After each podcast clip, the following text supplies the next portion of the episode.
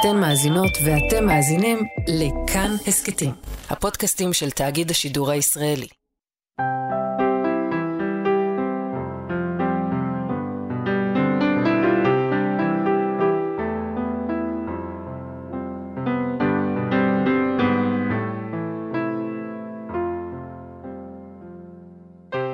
הדבר הראשון, כשניסן נולד, אה, אני לא יכולתי לראות אותו במשך אה, יום שלם, ואז כשהגעתי לבית חולים בפעם הראשונה והציגו אותו בחלון, אני ראיתי מלאך, וזה לא הגזמה, וכמובן מאוד אובייקטיבי, אבל כזה הוא היה מהיום הראשון. הוא היה ילד ש... שכולם אהבו אותו, כולם אהבו אותו. במהלך רוב השנים כילדה צעירה זה היה באמת נשאתי את עיניי אליו, ובשנים האחרונות אה, לפני שהוא נהרג, ובמיוחד בשנה האחרונה, בגלל שהצטמצמו כבר הפערים, כי גם אני כבר אה, התבגרתי, אז התחיל להיות קשר ככה יותר אה, חברי, ולצערי זה משהו ש... שהתפספס, הצלחתי לחוות ממנו מאוד מאוד מעט. אם צריך הגדרה מילונית למי שיש לו הכל, אז ניסן, לגמרי. לא סתם הוא עורר הרבה עניין. מבריק, מצחיק, נראה מצוין, משפחה נפלאה, קיבוצניק, אבל גם עירניק, טייס מסוקים, רוכב על אופנוע, עתיד מבטיח. זה נקטע כשטיל חיזבאללה פגע במסוק אותו הטיס במלחמת לבנון השנייה. ובפעם הראשונה מאז פרוץ המלחמה ואחרי אלפי גיחות אוויריות בלבנון, הצליח אמש חיזבאללה להפיל מסוק ישראלי בדרום לבנון, חמשת אנשי הצוות נהרגו. סיפרו לנו שמהרגע שפגע הטיל במסוק ועד שהמסוק התרסק עברו תשע שניות. הייתי עסוקה הרבה במה עבר עליו במהלך התשע שניות האלו. מה הוא חשב, איזה תמונות חלפו לו בראש, אם הוא בכלל הצליח לחשוב משהו. זה קרה רגע לפני סיום מלחמת לבנון השנייה, 12 באוגוסט 2006. כתוצאה מפגיעת הטיל, מסוק היסעור התרסק וכל הצוות נהרג. רב סרן סמי בן נעים, סרן דניאל גומז, רב סמל מתקדם רון משיח ורב סמל ראשון קרן טנדלר, ורב סרן ניסן שלו.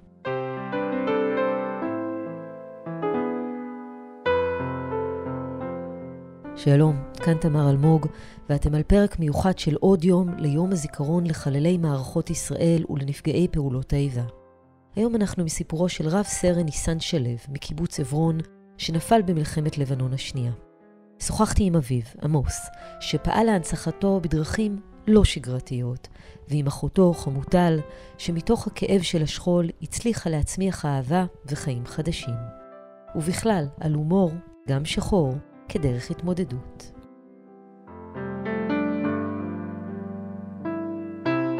עמוס, אבא של ניסן, שלום. שלום. יש ודאי קושי אדיר לתמצת uh, מישהו, ודאי אדם שהיה כל כך מוכשר ומלא ונהדר כמו ניסן, לתמצת אותו בכמה משפטים. אבל מה חשוב לך שידעו עליו?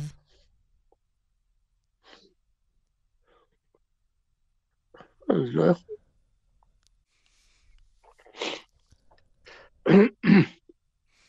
דבר ראשון שחשוב לנו, שאנחנו במשפחה נוכל לדבר על ניסן ולזכור את ניסן ולצחוק עם ניסן כאילו שהוא חי היום בינינו. נוהגים לומר במשפחות שכולות, הוא נשאר בן 36. אבל אנחנו ממשיכים לספור. ניסן היום בן 53. חשוב לנו שנזכור ושאחרים שהכירו אותו, ואולי אלה שיכירו אותו, שיכירו אותו כאדם, אדם ערכי, שבעצם כל חייו, מאז שהיה ילד, וידע לעזור לילדים חלשים בתוך הקבוצה שלו בקיבוץ, וכמובן בהיותו עובד חקלאות, שתמיד בחופשות מהצבא ומהקורס טיס, ידע להגיע, לשאול אם צריך עזרה, גם אם זה היה שבת, והיה עוזר לכולם. ובעיקר, הוא ירש את הערכים שהוא, אפשר להגיד, ינק אותם ממש עם חלב עמו, ערכים שבראש ובראשונה שוויון ערך האדם, כולם שווים, כולם בני אדם, ולא חשוב מאיפה הם, והאם הם דתיים, חילוניים, ערבים, ישראלים, נורבגים או שוודים, הם כולם שווים. וזאת הנחיה וערך שאנחנו, אני חושב שהצלחנו להנחיל לכל הילדים האחרים ולאחים של ניסן. ככל שמתרחקים מה... מהזמן של הפרידה שלנו, אז הזיכרונות אה, דוהים, ויש לי איזושהי תחושה שאני כל הזמן מנסה להיאחז במשהו בשביל, אה, בשביל לזכור את הקול שלו ולזכור את הניואנסים הקטנים שלו ו... ואת הדברים שהיינו עושים ביחד, ונשאר מזה נורא נורא מעט שאפשר באמת לתפוס, וזו תחושה שהיא מאוד מאוד קשה. אז לסכם את ניסן. בכמה משפטים או ב... בתמצות זה משהו ש... שהוא מאוד קשה, כי מבחינתי, כמו כל בן אדם, אז גם הוא היה בשבילי עולם ומלואו. אני חושבת שיותר קל לי לסכם במילה אחת מאשר בכמה משפטים, ואני חושבת שהמילה שהכי מתחברת לי עם ניסן זה אהבה. אהבה ורוחב לב, זה בשבילי משהו שמאוד אה, מגלם אותו גם, גם בשבילי כאחותו, וגם אחר כך בכל הסיפורים ש, ששמענו מסביב, מכל מיני אנשים, אה, לאו דווקא חברים טובים שלו, שמן הסתם אה, מאוד אהבו אותו, אבל המון אנשים שהוא נגע בהם בצמתי החיים, אפילו בשיחה חד פעמית או באיזשהו מפגש אקראי, וזה איזשהו משהו שהיה אפשר לזקק מכל הסיפורים ש, שסיפרו עליו.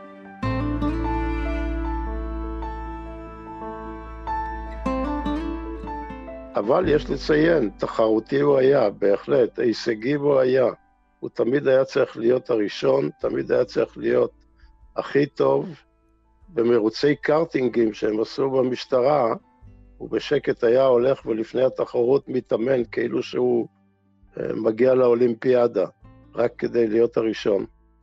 אז בזה הוא בהחלט uh, הצטיין, מה שנקרא, בנחישות וברצון להישגיות, אבל לא בשביל להתפאר, לא בשביל אה, להשוויץ ולא בשביל ליצור לעצמו כוח מסביב, אלא פשוט, איך אומרים, זה היה טבוע בו. הזכרת את המשטרה, אז בוא באמת נזכיר שניסן היה גם טייס מסוקים במילואים בצבא, וגם טייס במשטרה, הוא גם רכב על אופנוע, נכון? ספר לנו עליו. כן. ניסן, אה, אפשר היה להגיד, אה, אה, רב-תכליתי, כן? מולטי פרפס באנגלית. הוא עשה הכל. הוא היה שחיין, היה גולש רוח יחד עם אחיו, שגיא. היה צוללן, טייס כמובן, והיה גם איש אופנועים, מרוצי אופנועים, שהוא כמובן היה בדילמה, כי הוא כאיש משטרה אה, הלך להתחרות בכל מיני מקומות אה, סודיים עם אופנוענים אחרים, דבר שהיה לא בדיוק אה, לפי החוק הקיים במדינת ישראל, אבל הוא הרשה לעצמו בכל זאת בכמה דברים לא להיות בדיוק האיש הכי מושלם. אז בנושא הזה, זה היה בשבילו הובי גדול, היו לו איזה שלושה אופנועים לפחות, אני חושב, אופנועי כביש, אופנועי שטח, אופנועים כאלה ואחרים. בנוסף, בתוך המשטרה הוא מילא תפקיד של אה, גם המנהל הטכני והחדשנות, שהיום רואים את התוצאות, אבל אז זה היה רק בתחילת הדרך של רחפנים, של מסוקים חדישים, של כל מיני אמצעי עזר אחרים. אה, זה היה תפקידו, חוץ מהטיסות כמובן שהוא היה. בצבא הוא היה טייס מסוקי אסור אה, במילואים, הוא בעצם גם נהרג במילואים כטייס אה, יסור. מתי הוא מחליט ללכת לקורס טיס? הוא לא חשב בחיים שלו על, על קורס טיס, הוא לא, הוא לא היה מאלה שאוהבים את המקצוע הזה, או מתעניינים בו אפילו, אבל פשוט בגלל שהוא עבר את, ה, את הבוחן בזמן הגיוס, אמרו לו שהוא יכול לבחור קורס טיס, אז uh, הוא החליט בסדר, שיהיה. מה יכול להיות זה אתגר. היות והוא סיים את uh, לימודיו בגיל מאוד צעיר, בגיל 17 וקצת, אז הוא יצא לפני הצבא לשנת שירות שלישית, והוא שירת בקן השומר הצעיר בקריית שפנצק, שהייתה אז אה, מקום, אה, שכונה ידועה בבעייתיות שלה, אני לא רוצה לומר מעבר לזה, אבל אה, הוא היה שם, הדריך והיה נאמן לכל זה, הכל לפני הצבא.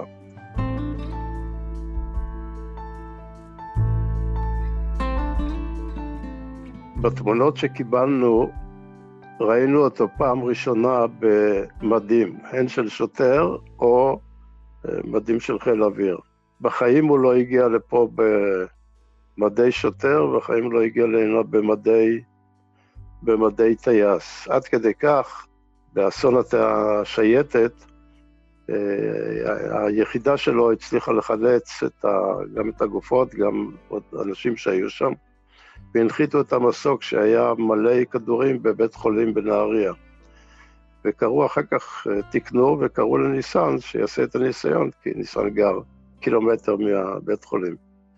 אני הסעתי אותו, אבל הוא בא לשם עם גופייה ועם מכסיים קצרים, ואז השער לא נתן להיכנס. והוא אמר לו, אבל אני טייס של המסוק שם, צריך לבדוק. אז הוא צלצל שם על המנהל ואמר, יש פה אחד שטוען שהוא טייס, הוא לא נראה בדיוק כזה, אבל רק שאל את שמו, אמר לו, ואז אמר, טוב, תיכנס. Uh, עד כדי כך הוא לא, לא השוויץ בדברים האלה. Uh, נוסף לזה, המון המון סיפורים ששמענו מהחברים לטייסת, מהחברים מהאוניברסיטה, מחברים אחרים, על כל מיני מקרים, למשל, אה, אחת החברות שלו שלחה לנו מכתב שלו אליה, שבין היתר הוא כותב שם שלאחר הצבא מה שהוא רוצה לעשות זה לטפל בנוער אתיופי. זה היה אז בכותרות, אה, כל הנושא של קליטת האתיופים וכולי, והוא כתב לה במכתב שזה מה שהוא היה רוצה לעשות אחרי, אחרי שיסיים את הצבא. המילה הכי חשובה, אולי שמענו בכל הסיפורים של החברים, שכל אחד ניכס את ניסן לעצמו ואמר, הוא היה החבר הכי טוב שלי.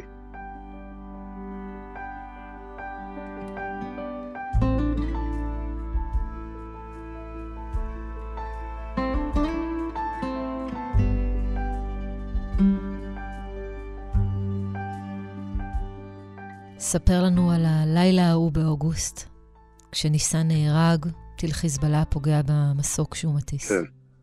ישבנו בבית, אנחנו לא עזבנו את הקיבוץ, למרות שהקיבוץ יחד עם נהריה היה נתון תחת מטרי קטיושות בכל יום.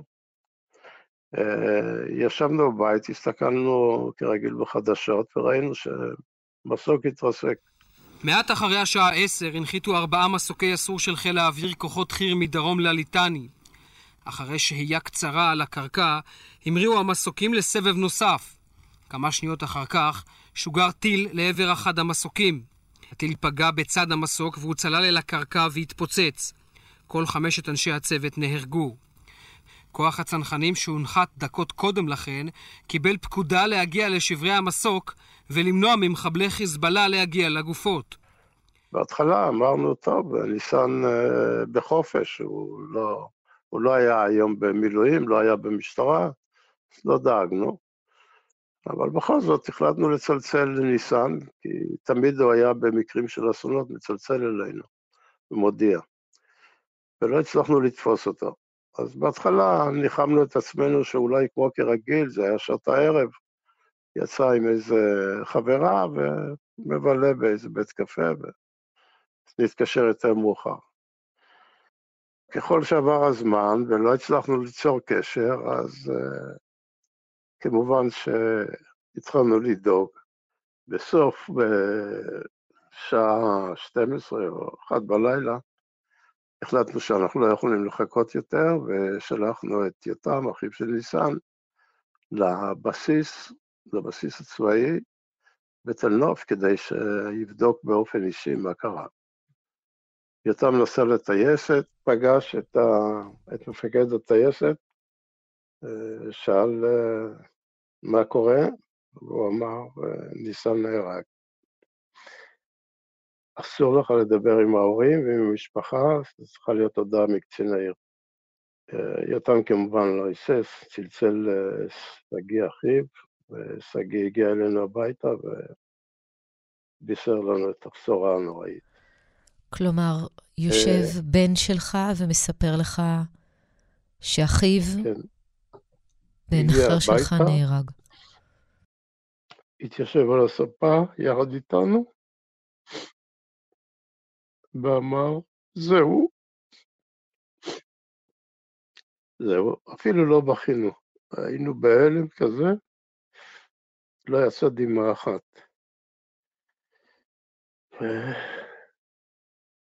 חשבנו, זהו, סוף העולם.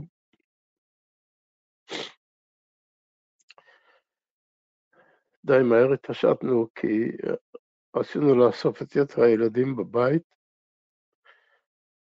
אחת הבנות הייתה מחוץ לקיבוץ, ונסו להביא אותה. וככה התאספנו בבית, ופתאום התחילו להופיע חברים, למרות שכבר היה שתיים בלילה. בשלוש בלילה אני יושב בחוץ, מגיע משלחת מקצין העיר.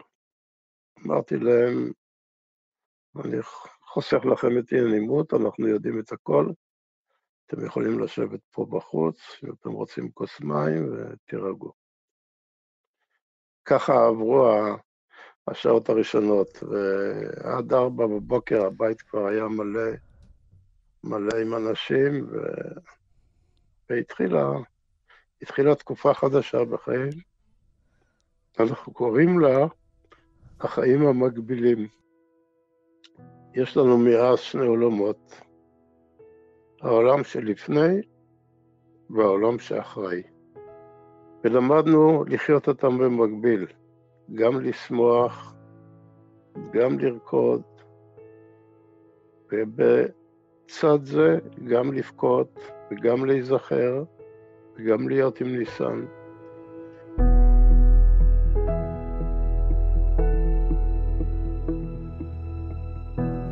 בסיום השנה הראשונה, יותם אה, הציע לי שנכין אה, לכולם מתנה אלבום עם תמונות של ניסן אה, מכל השנים, ואז חשבנו שנעשה איזה טקס כזה, עשינו להם הפתעה, ושנעשה טקס לחלק את האלבומים. ואיך שאמרנו טקס, התחבר לי טקס סיום שנה, היא מתחבר עם טקס סוף שנה, זה תעודות סוף שנה. יש לי חברה שעשתה לי את הגרפיקה ממש כמו תעודות של סוף שנה. כל אחד קיבל אה, תעודת הצטיינות, הצטיינות יתרה כמובן לכולנו, אה, ולכל אחד כתבנו ככה אה, לסיום שנת השכול הראשונה. בגין מה הוא מקבל את התעודה, אז כתבנו ככה גם כמובן בהומור, ועשינו טקס ב... אני חושבת שזה היה אחרי, ביום של האזכרה, עשינו טקס, קראנו לכל אחד, חילקנו להם את התעודות, וצחקנו ובכינו ב... באותו זמן, כמו שבעצם אה, אנחנו עושים מאז שניסה נהרג. על מה כתבת למשל הצטיינות יתרה לעצמך? אם אני זוכרת נכון, אז אני חושבת שיותם כתב לי את ההצטיינות היתרה.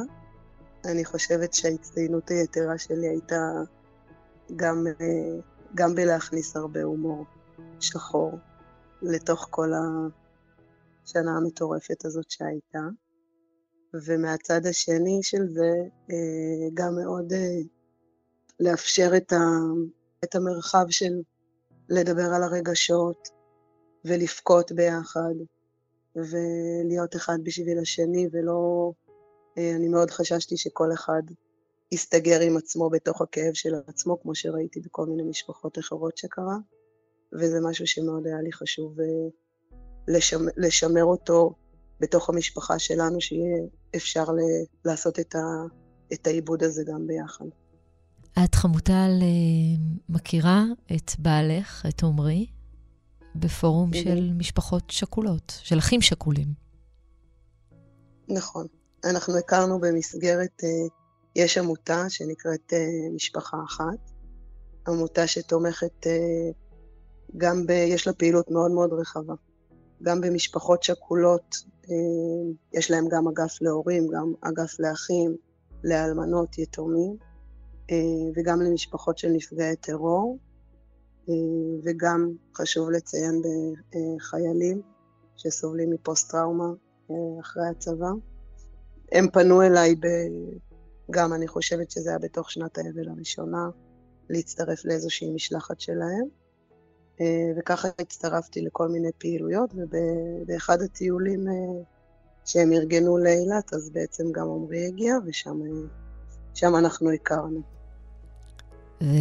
ומה מתחילים לדבר על האחים שלכם שנהרגו שניהם באותה מלחמה, מלחמת לבנון השנייה? אני חושבת ש... שזה אולי היה בהתחלה החיבור הראשוני, ובעצם אחרי שניסה נהרג אה, הייתה לי איזושהי תחושה ש... שאני לא אוכל להיות בזוגיות עם, עם מישהו שלא לא עבר את זה כמוני, הייתה לי איזושהי תחושה כזאת. אז אני חושבת שזה היה החיבור הראשוני, אבל uh, כמובן שזה הרבה מעבר לזה, ואני יכולה גם להגיד שאני ועמרי בהתמודדות uh, שונה עם, ה... עם השכול. אז uh, זה היה ממש החיבור הראשוני וה... נתן איזשהו בסיס כזה של הבנה מאוד גדולה ושל אה, של משהו שהוא, שהוא מובן מאליו ולא צריך להסביר אותו בכלל. אני חושבת שזה נתן איזושהי קרקע כזאת אה, יציבה ובטוחה להתחיל לפתח אה, עליה את הקשר. אבל אחר כך, כמובן שזה הרבה הרבה מעבר לזה.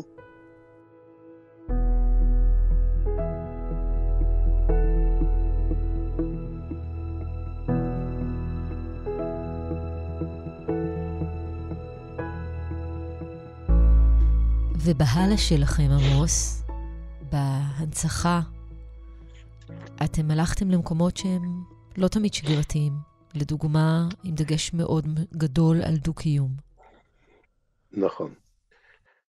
בהתחלה, אמנם עשינו את מה שכולם עושים, עשינו סרט, שזה עזר לנו מאוד להשתקם, וכתבנו גם ספרים, למרות שנשבענו שלא נכתוב. ובהמשך הזמן הגענו למצב שהיו אירועים אה, קשים בשנת 2015 אה, במדינה, כמו, כמו שיש עכשיו בערך, ועד כדי כך שהיה ניתוק מוחלט בין התושבים הערביים, הכפרים הערביים, לבין תושבי המדינה. וראינו שמרכז קניות על ידינו התרוקן, התרוקן מקונים יהודיים. וראינו שהתושבים שעובד, מהכפר הסמוך, שעובדים אצלנו ונמצאים איתנו, ושאנחנו איתם בקשר בעצם עשרות בשנים, קצת אה, חוששים לבוא. ואז אה, שגיא, בננו השני, החליט לעשות מעשה, אסף את הנהלת הקיבוץ, הפגיש אותם יחד עם אה, המועצה המקומית של הכפר הסמוך מזרע. התקיימו שיחות בין שני, נציגי שני היישובים, נערכו פגישות בשני המקומות, ובמשך uh, כמה חודשים uh, היה קשר אינטנסיבי, ואז הוחלט שאם רוצים לשמור את זה לשנים, צריכים לעשות משהו גם מעשי, ששני הצדדים יהיו שותפים בו, ולא איזה אירוע חד פעמי של פגישות או שיחות, אה, אבל שזה נשארות בגדר של שיחות. ואז עלה הרעיון להקים גן דו-לשוני משותף, ש-50% מהילדים בו יהיו ממזרע ו-50% יהיו ילדי קיבוץ עברון, והגן ישולב במערכת הגנים של הקיבוץ. אני לא יכול לומר שזה היה דבר פשוט, היו דיונים, היו שיחות, אה, אבל לבסוף אה, הוחלט אה, להקים את הגן, מזה שש שנים הגן אה, עובד. ההנחה הייתה, ואנחנו בטוחים בזה גם היום, שהחינוך והלימוד של אחד השני, של השני מגיל אה, שלוש-ארבע, הוא בעצם יהיה הדבק של שתי האוכלוסיות שחיות במדינת ישראל עד היום, לצערי, בצורה די, די נפרדת. ועם התפתחות הגן, אנחנו החלטנו לאמץ אותו ולראות אותו בעצם כהנצחה לניסן. הנצחה מכיוון שכמו שסיפרתי בהתחלה, ניסן שהיה אדם כל כך ערכי, אנחנו מאמינים, ואפשר להגיד גם יודעים, מבלי ששאלנו אותו, שניסן היה לא רק שתומך בגן הזה, אלא בטוח שהיה גם uh, עוזר ופועל בכל מה שקשור בנושא. לא כתבנו על הגן את השם ניסן, על שם ניסן או משהו. אנחנו רואים את זה בליבנו, אנחנו חושבים שזה המפעל ההנצחה החשוב ביותר שהקמנו לניסן, שאנחנו מאוד מקווים שאולי, איך אומרים, זה יהיה צעד קטן אמנם, אבל צעד חשוב, כדי שבעוד עשר או עשרים או שלושים שנה אה, אנחנו נראה את התוצאות שהם יהיו בעצם הליכה לקראת הכרת אחד את השני, הלימוד לחיות אחד עם השני, ובעיקר שאולי יקרב את השלום, שימנע מעוד משפחות כמונו, שלצערי הן רבות מדי במדינת ישראל, להקריב את היקר מכל. עמוס, אבא של ניסן שלו, תודה רבה לך שדיברת איתנו. תודה לכם, ושיהיה חג עצמאות שמח.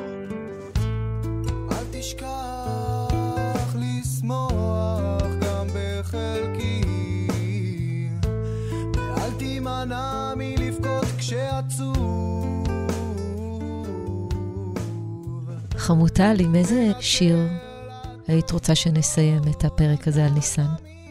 שיר שליווה אותנו מאוד uh, חזק בשנים uh, מאז שהוא נהרג, uh, זה שיר בעיפרון של בית הבובות.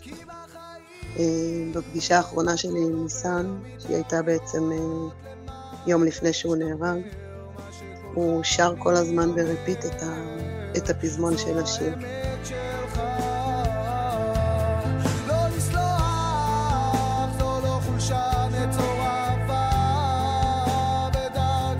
אפילו באיזשהו שלב התייחסתי לזה ואמרתי לו, ניסן, תלמד את המילים, וכל הזמן הפזמון הזה מטרטר לי במוח.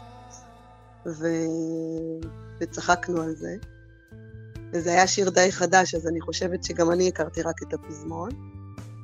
ואחרי שהוא נהרג, אז uh, בתוך השחזור של כל הרגעים האחרונים שלנו ביחד, השיר הזה עלה מאוד מאוד חזק. וכשהסתכלתי במילים אני ממש הצטמררתי. כי זה... אם אמרתי בהתחלה שהמהות של ניסן זה בעיניי אהבה ורוחב לב, אז, ה...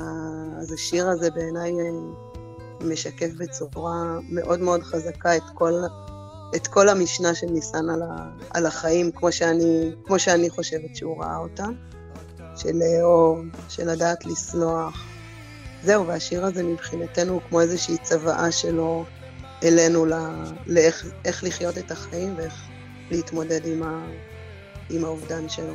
ולבחור בחיים, שאני חושבת שזה, שזה הדבר הכי הכי גדול ש, שעשינו כל המשפחה, ואם שאלת אותי בתחילת הראיון על מה, על מה ההצטיינות היתרה, אז אני, אני שמה על זה את החותמת, באמת, במיוחד במיוחד להורים שלי.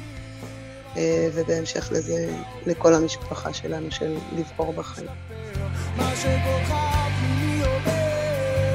חמוטל, אחות של ניסן שלו, תודה. תודה לכם.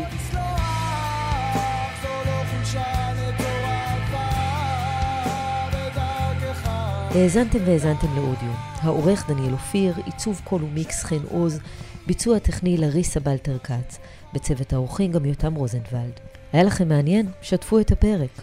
אפשר גם לכתוב לנו בקבוצת כאן הסכתים בפייסבוק, או בחשבון שלי בפייסבוק, בטוויטר או באינסטגרם. פרקים חדשים של עוד יום עולים בכל ראשון, שלישי וחמישי.